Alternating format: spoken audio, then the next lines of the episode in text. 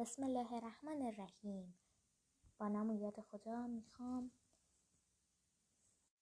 بسم الله الرحمن الرحیم. با نام یاد خدا می‌خوام.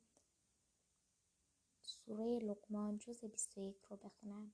ولقد آتینا لقمان الحکمت ان اشکر لله و من یشکر فانما یشکر لنفسه و من کفر فان الله غنی حمید و قال لقمان لابنه و هو یعظه لا تشرک بالله شرک کرد ظلم العظیم و وسین الانسان به والدیه حملت امه وهنا علی وهن و فصاله فی یومین ان اشکر لله و من یشکر بسم الله الرحمن الرحیم. با نام و یاد خدا می‌خوام سوره لقمان جزء 21 رو بخونم. ولقد آتینا لقمان الحکمت ان اشکر لله و من یشکر فانما یشکر لنفسه و من کفر فان الله غنی حمید.